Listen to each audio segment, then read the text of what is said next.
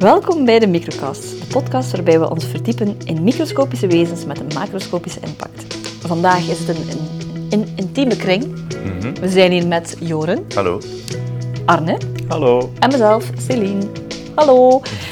Joren, je hebt een aflevering voorbereid. Waar gaan we het vandaag over hebben? Ja, vandaag gaan we het hebben over de microbes in space. Oh yeah. We gaan het vandaag hebben over de microscopische wezens die een belangrijke rol zullen spelen in onze verkenning van het universum vandaag. Oké. Cool. Wat denken jullie, zouden we in de toekomst andere planeten gaan bevolken of niet? Oh, ah, oké. Dat is een moeilijke vraag. Ja, hè? Goh, ja. Waarsch- Waarschijnlijk. Als we wetenschappelijke data, ik denk dat er geen één planeet is die we kennen momenteel die de juiste atmosfeer heeft voor menselijk leven te ondersteunen. Is dat juist? Eh, ja, dat weet ik niet goed.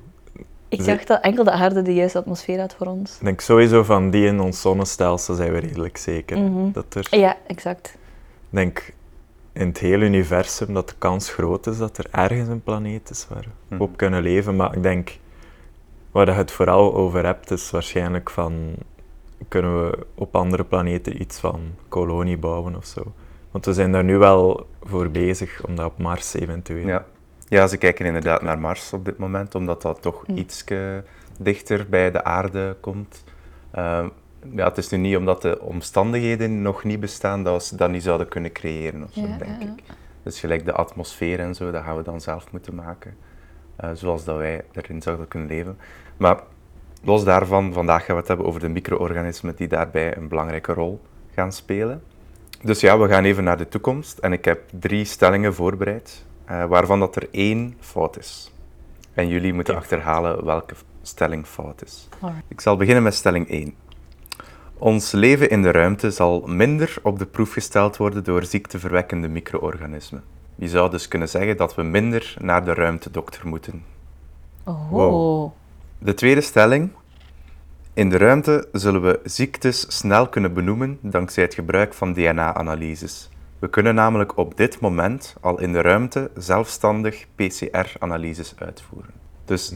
PCR-analyse, dat kennen we ondertussen van de, Mhm. de COVID-pandemie, eh, waarbij dat er ja, DNA kon uitgelezen worden om te zien of dat er Ja. COVID aanwezig was of niet. Dus zo'n dingen zouden ze op dit moment al kunnen in de ruimte. Dat is stelling 2. Stelling 3. Een ruimtekolonie stichten zal alleen maar kunnen dankzij het gebruik van micro-organismen voor allerhande toepassingen, zoals farmaceutica en elektriciteit. Wauw. Daar heb ik al iets, een klein idee over misschien, maar misschien moeten we toch terug een keer gaan naar Beginnen één. met één? Ja, oh, herhaal alsjeblieft, Ja. want ik was al met al helemaal vergeten. De eerste stelling. Ons leven in de ruimte zal minder op de proef gesteld worden door ziekteverwekkende micro-organismen. Je zou dus kunnen zeggen dat we minder naar de ruimtedokter moeten. En wat zou dat te maken hebben? Het zijn alle drie zo dingen waar, dat, waar dat we zo weinig mee bezig zijn. Oh, misschien, dat kan iets te maken hebben met verspreiding via de lucht en wind. Misschien dat de atmosfeer daar anders is en dat wij dus minder... Of zo, het gaat iets te maken met verspreiding misschien. Of water. Water. water. Maar, ja, het hangt ervan af wat je bedoelt. Je bedoelt Ja. minder dan op de aarde. Ja, Minder last in de ruimte van bacteriën dan op de aarde. Ja, er zijn er minder Ja, waarschijnlijk ja. in de ruimte. ja maar Dat als we er echt van uitgaan dat, eh, dat we echt al een kolonie gesticht hebben. Of zo. Ja, ja. Oeh, goeie vraag. Dan zouden de pathogenen die daar naartoe gaan, zouden dan al mee moeten gekomen zijn met ons. Want we gaan ervan uit dat er geen zijn. Ja. Ja, Ik denk niet dat ze al bacteriën gevonden hebben in de ruimte. nee. Alles dat daar gaat zitten, gaan we meegenomen hebben. Mhm. En volgens mij, als je zo denkt aan astronauten of zo, dat is toch... Ik denk dat die daar wel mee bezig zijn, met zo... Zien dat alles Ja. steriel is of Ja, zo, of als het in de ruimte schiet. Dus En ze gaan ook iemand die, iemand die ziek is, gaat waarschijnlijk niet... ja, iemand die super ziek is en dus, eh, een superverspreider van weet ik veel welke ziekte gaan ze niet naar de Ja. ruimte sturen. Dat kan wel kloppen. Dat ze zo voorzichtig zijn voor alles, dat gewoon niet in de ruimte geraakt. Oké. Mm. Alright, stelling 2. Stelling 2 was dat we in de ruimte sneller ziektes zullen kunnen benoemen dankzij het gebruik van DNA-analyses. We kunnen namelijk op dit moment al in de ruimte zelfstandig PCR-analyses uitvoeren. Er is, het is tweedelig, Twee hè? Je zegt sneller, sneller dan hier. Ehm, Nee, snel. Niet sneller. Ah, oké, oké. Maar het gaat vooral over het tweede stuk. Of dat we PCR kunnen in de ruimte of niet. Hm. Ja, hebben ze al gedaan of niet? is daar elektriciteit misschien in de ruimte? Ja, dat PCR-machine heeft toch ja, elektriciteit nodig? ze, ze zullen wel hebben. Ze. zie je hoe weinig dat wij weten van astronauten en zo. Ja, hebben ze elektriek in het ISS? Waarschijnlijk. toch? Waarschijnlijk wel, Die ja. hebben dat voor alles nodig. Hè? Dan pakte gewoon een PCR-machine mee. Wat zou daar mis mee kunnen lopen? Ja, wat denk je dat er mis kan lopen? PCR is niet zo... De ik denk weer aan atmosfeer en aan druk, dat dat dan misschien Ja, die, als uw die vloeistof temperatuur... gaat beginnen ja. zweven. Ah ja, oké. Maar ik stel me nu wel zo, als je zo filmpjes voorstelt van astronauten die dingen met vloeistoffen doen. Meestal, allee, je vloeistof gaat vliegen, maar die blijft wel bij elkaar. Hè?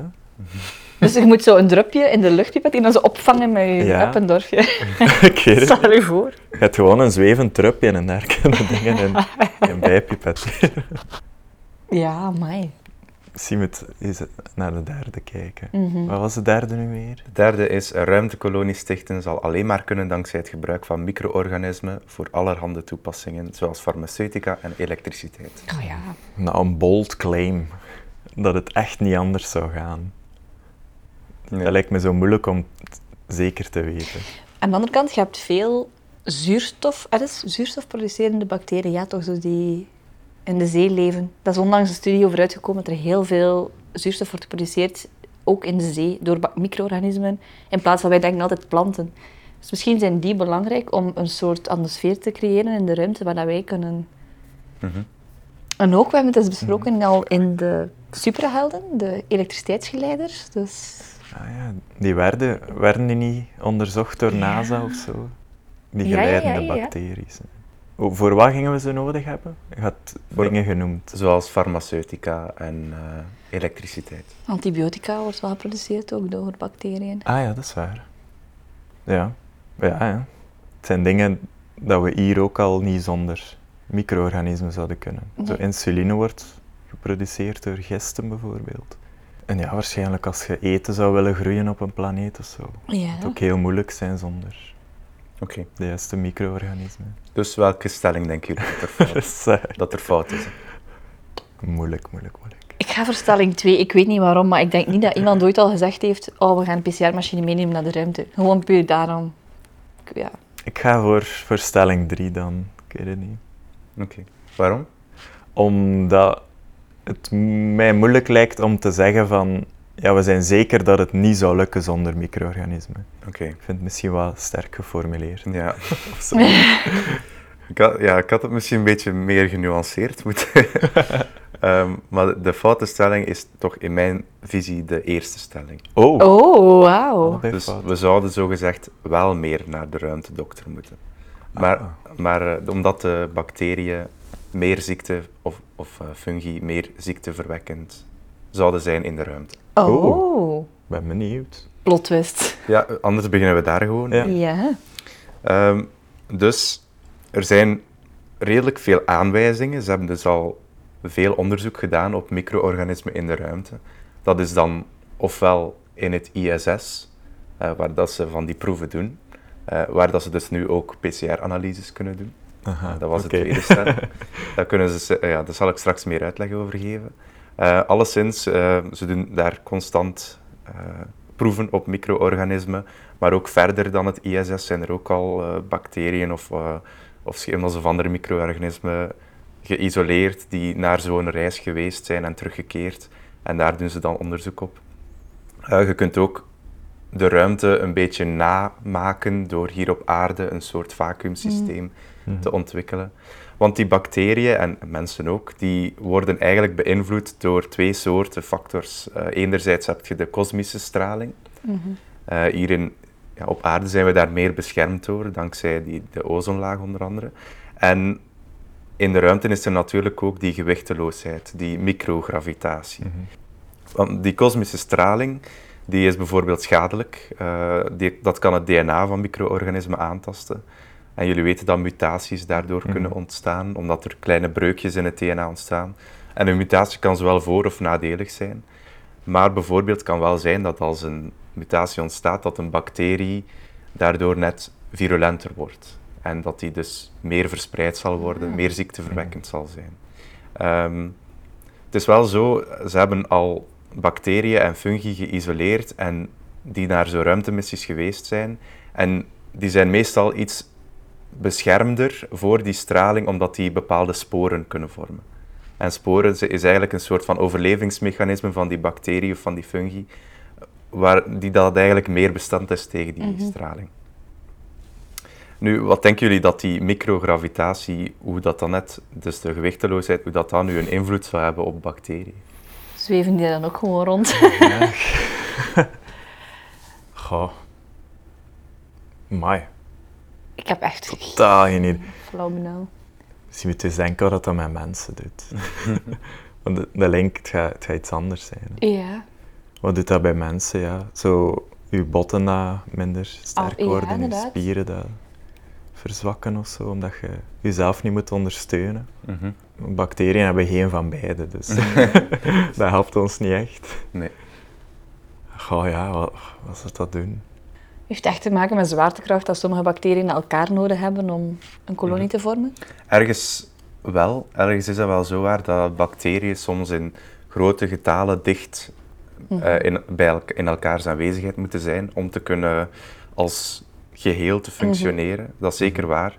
Ja, bacteriën gaan ook meer verspreid geraken doordat er minder zwaartekracht Ah, ja. is. Mhm. Maar daardoor zouden ze net dus meer kolonies kunnen vormen of zo, Mhm. of makkelijker kunnen delen, omdat er Oh. minder ja, restrictie van plaats is, omdat er meer plaats is. Maar dus ook de, de flexibiliteit van het membraan van die bacterie. Elke bacterie is op, omgeven door een membraan dat alles samenhoudt. Die flexibiliteit daarvan wordt ook aangepast, aangetast door de microgravitatie.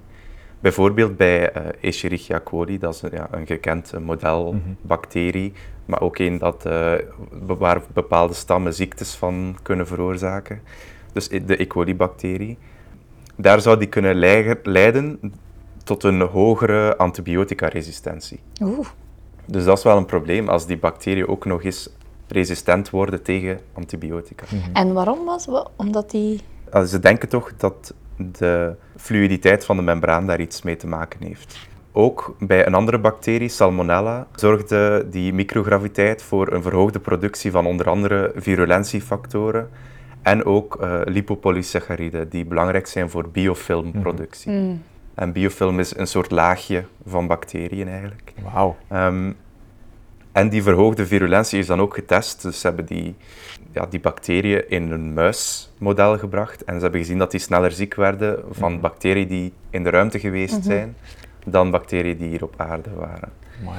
Ehm, en dat zou te wijten zijn aan een aanmaak van een eiwit dat betrokken is in omgevingsstress. Dus die bacterie die heeft toch Ah, wel een ja, zekere ja. stress in de Mhm. ruimte, waardoor dat die meer of minder van bepaalde eiwitten zal aanmaken. En sommige daarvan zijn dan betrokken in de virulentie of in het ziek maken van gastheren. Wauw. Het is heel moeilijk om zo de link met zwaartekracht te maken, omdat je daar normaal nooit over nadenkt. Mhm. Toch als je over bacteriën denkt. Ja. Dus het is zo moeilijk om het te linken aan elkaar. Maar zo het laatste dat je zei, lijkt me wel logisch, omdat als je bacterie meer stress heeft, gaat hij misschien op een bepaalde manier agressiever worden of zo. En dan misschien sneller ziekte, allee, als een soort wanhoopspoging of Ja. overlevingsmechanisme, dan sneller ziekte of zo veroorzaakt. Ja. En aan die biofilms moet ik nu ook denken dat misschien als er weinig zwaartekracht is, dat je bacteriën bewegelijker zijn of zo, en dat ze dan misschien ook als reflex daarop dan Mhm. meer biofilms maken of sneller biofilms om eh, zich bij elkaar te houden of zo. Of om, Ongelooflijk hoe snel dat ze zich aanpassen eigenlijk, de Ja, wel. micro-organismen. Ja. Eén tripje naar de ruimte en je komt al terug met een andere... ja. Dat Ja. was het eerste deel van de stelling. hè. Dus Ja. samengevat is het Dat ze ziekteverwekkender zouden zijn in Ja. de ruimte. omdat ze bewegelijker zijn, zich makkelijker kunnen verspreiden en omdat ze zich aanpassen aan de ruimte. En Ja. daardoor. Ja.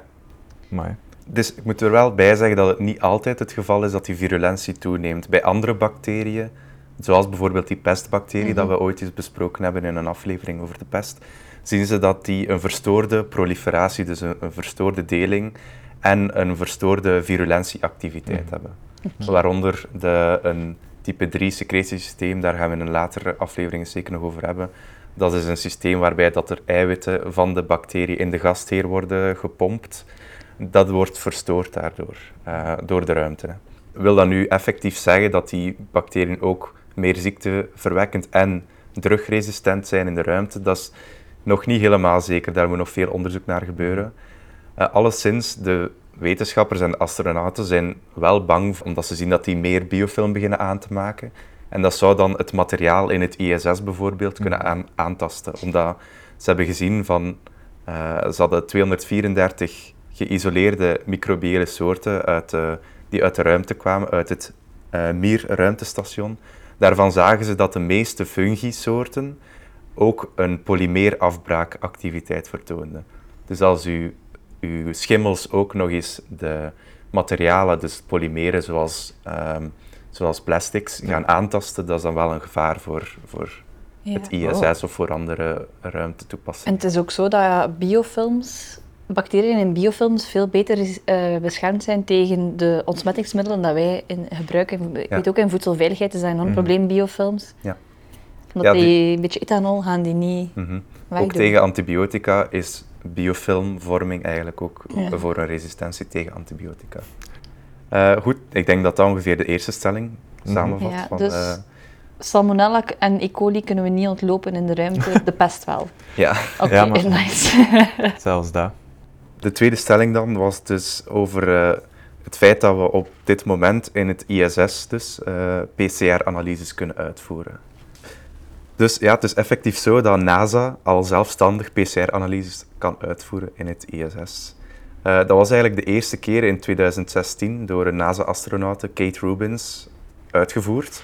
Uh, die heeft de eerste keer een DNA-sequenering in het ISS uitgevoerd. Daarvoor hebben ze de Min-Ion-machine gebruikt. Dat is eigenlijk een, een soort platform, niet veel groter dan uw gsm, waarbij dat de bazenparen, dus de kleine bouwsteentjes van het DNA, kunnen uitgelezen worden.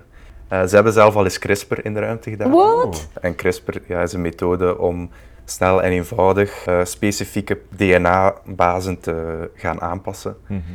Um, daarvoor hebben ze ook die Min-Ion-machine gebruikt, of machientje gebruikt. Ja, natuurlijk is het heel belangrijk om, om in de ruimte bezig te zijn met, met die, ja, welke bacteriën of micro-organismen vinden we hier. Um, en het is natuurlijk ook een heel groot voordeel dat ze niet meer hun stalen moeten terugsturen naar de ruimte. Want dat was voor 2016 het geval, dat ze stalen verzamelden in het ISS en dat altijd moesten terugsturen naar de ruimte. Wat dan natuurlijk heel veel tijd en moeite en waarschijnlijk ook geld kost. Terugsturen naar de aarde. Ja, naar de aarde om daar het onderzoek te doen in Ja, plaats van... ja, ja, ja. Maar even voor de duidelijkheid, dus wat dat ze doen is DNA sequeneren in de ruimte dan. Ja, ja. Dus zo kunnen ze bacteriën identificeren. Ja. Ja. Ja, er bestaat nu ook een, een wattenstaafje-methode dat ontwikkeld is door uh, NASA-astronaut Ricky Arnold. Uh, waarbij dat je inderdaad dus de, de oppervlakte van iets gaat uh, met een wattenstaafje Mhm. strijken. En dan daarvan al de bacteriën kunt uitlezen. Dus ja, ze zijn, uh, ze zijn volop mee bezig met uh, al die nieuwe technieken ook in de ruimte toe te passen. En dat zorgt wel voor een versnelling, het feit dat nu ook PCR kan in de Mhm. ruimte. Cool. Right, de laatste stelling dan. Dus uh, die stelling was, een ruimtekolonie stichten zal alleen maar kunnen dankzij het gebruik van micro-organismen voor allerhande toepassingen, zoals farmaceutica, farmaceutica en elektriciteit. Ik zeg dat dat waar is. Oké. Ehm, Ja.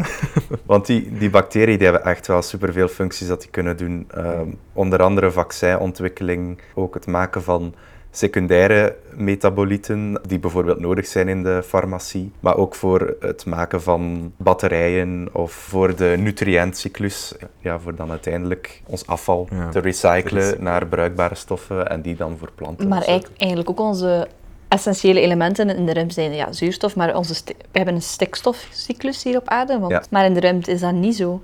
Ja, wat, wat je met die stikstofcyclus bedoelt, is inderdaad dat er in onze bodem zijn er bacteriën Mhm. aanwezig dat stikstof in andere vormen kunnen omzetten. En die vormen zijn dan bruikbaar voor de plant. Ja, Dat is dan dat is ammonium dat omgezet wordt in eh, nitrieten. Eh, nitraten, sorry. En dat wordt gedaan door bepaalde bacteriën. Dus daar is nu ook een project, het MELISA-project heet dat. Uh, Micro-Ecological Life Support System Alternative. Dat is een initiatief van het uh, Europese Space Agency, de ESA, waarbij dat ze dus de afvalproducten die ontstaan door astronauten, door uh, afval van het, van het koken of van... Urine zit vol urine, ja. stikstof. Inderdaad, urine um, zit urea in dat dan gebruikt zal worden. Um, en in het eerste compartiment gaan ze dat eigenlijk, ja, dat heet vloeibaar maken. Ze gaan dus al het afval verzamelen. En in dat compartiment zal een anaerobisch, dus zonder zuurstof aanwezig, uh, zal uh, ammonium gemaakt worden, uh, die waterstof, koolstofdioxide, vluchtige vetzuren en mineralen. Dus die stoffen worden dan in het tweede compartiment met behulp van licht omgezet of afgebroken, zoals die vluchtige vetzuren. Um, en dan in het derde compartiment is eigenlijk die stikstofcyclus, waarbij dat er ammonium gaat omgezet worden door nitraten. Uh, en dat is eigenlijk door een mix van nitrosom, nitrosomonas en nitrobacter. Die gaan die ammonium omzetten in nitraten. En die zijn dan uiteindelijk nodig voor het vierde compa compartiment, uh, het fotoautotrofisch compartiment. Dat wil zeggen dat er met licht en CO2 energie kan opgeslagen worden. En dat is dan, en de ammonium is dan belangrijk voor algen en planten. Mm. Uh, dat is dus eigenlijk de hele reden. Dus het afval is omgezet voor voedingsstoffen voor planten en algen, die dan zuurstof voor een atmosfeer ja. bijvoorbeeld, of voor voedselproducten, omdat we de planten dan kunnen eten of de vruchten van de plant. Dat is dus uh, het Melissa-initiatief van de ESA. Daarom wow. zo futuristisch. Ja, klinkt echt futuristisch. Maar dat is gewoon nu aan het gebeuren. Dus daarmee dat ik zei dat het zonder die micro-organismen gaat het leven niet mogelijk zijn in de ruimte. Omdat we die nutriëntcyclus echt wel nodig hebben. Zouden zonder micro-organismen zou leven op aarde mogelijk zijn? Ja, nee. nee. En nee, ik denk dat, dat is ook toch... Dat is, je kunt de vraag zo ook stellen. Hè? Dus het gaat in de ruimte ook nodig zijn. Dat is waar. Ja. Het is wel interessant dat zo... Eigenlijk wat er gebeurt als je naar de ruimte gaat, is dat je... Je kunt alles herdenken ook, hè.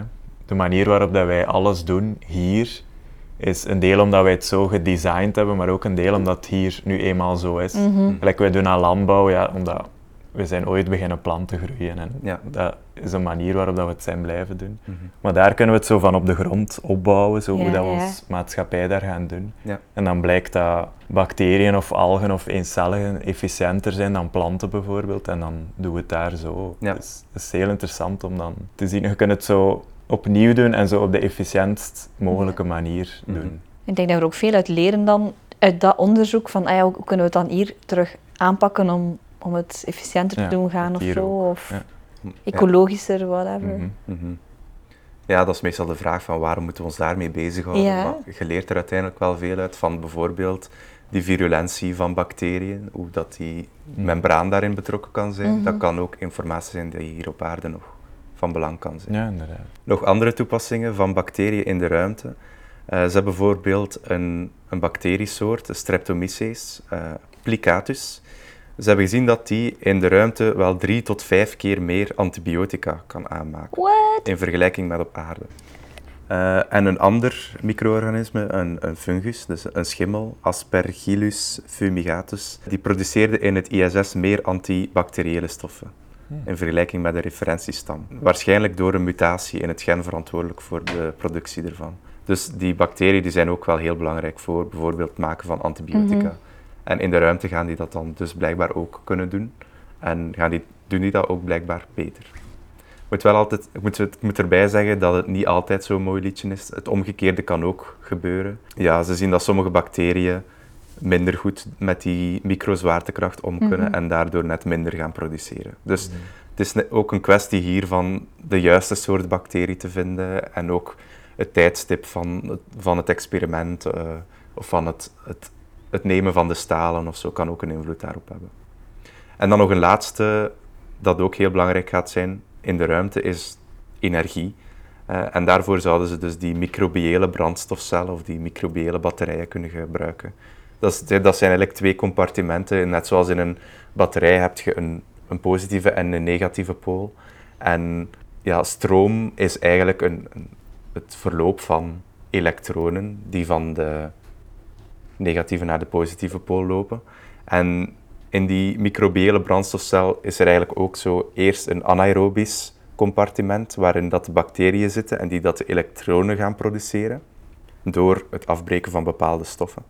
En dan heb je je tweede pool waarbij, dat er, uh, waarbij dat er water aanwezig is, maar ook in contact met de lucht, dus ook met CO2. En daar gaan die elektronen dan uiteindelijk naartoe migreren en die loop van elektronen, die transport van elektronen is stroom en die zou je kunnen aftappen om, mm om je processen te doen. Ik moet er wel bij zeggen dat dat allemaal nog in onderzoeksfase is, mhm. eh, maar misschien gaat dat ooit ook nog een toepassing hebben in de ruimte of op aarde. Cool. Oké, dat was een heel interessante aflevering. Joren, je hebt veel stof tot nadenken gegeven. Dank wel. Alright. Veel bijgeleerd en op zoek naar meer? Bezoek ons dan zeker ook eens op Twitter, Facebook en Instagram voor meer info en om op de hoogte te blijven van nieuwe afleveringen. Be there or be square.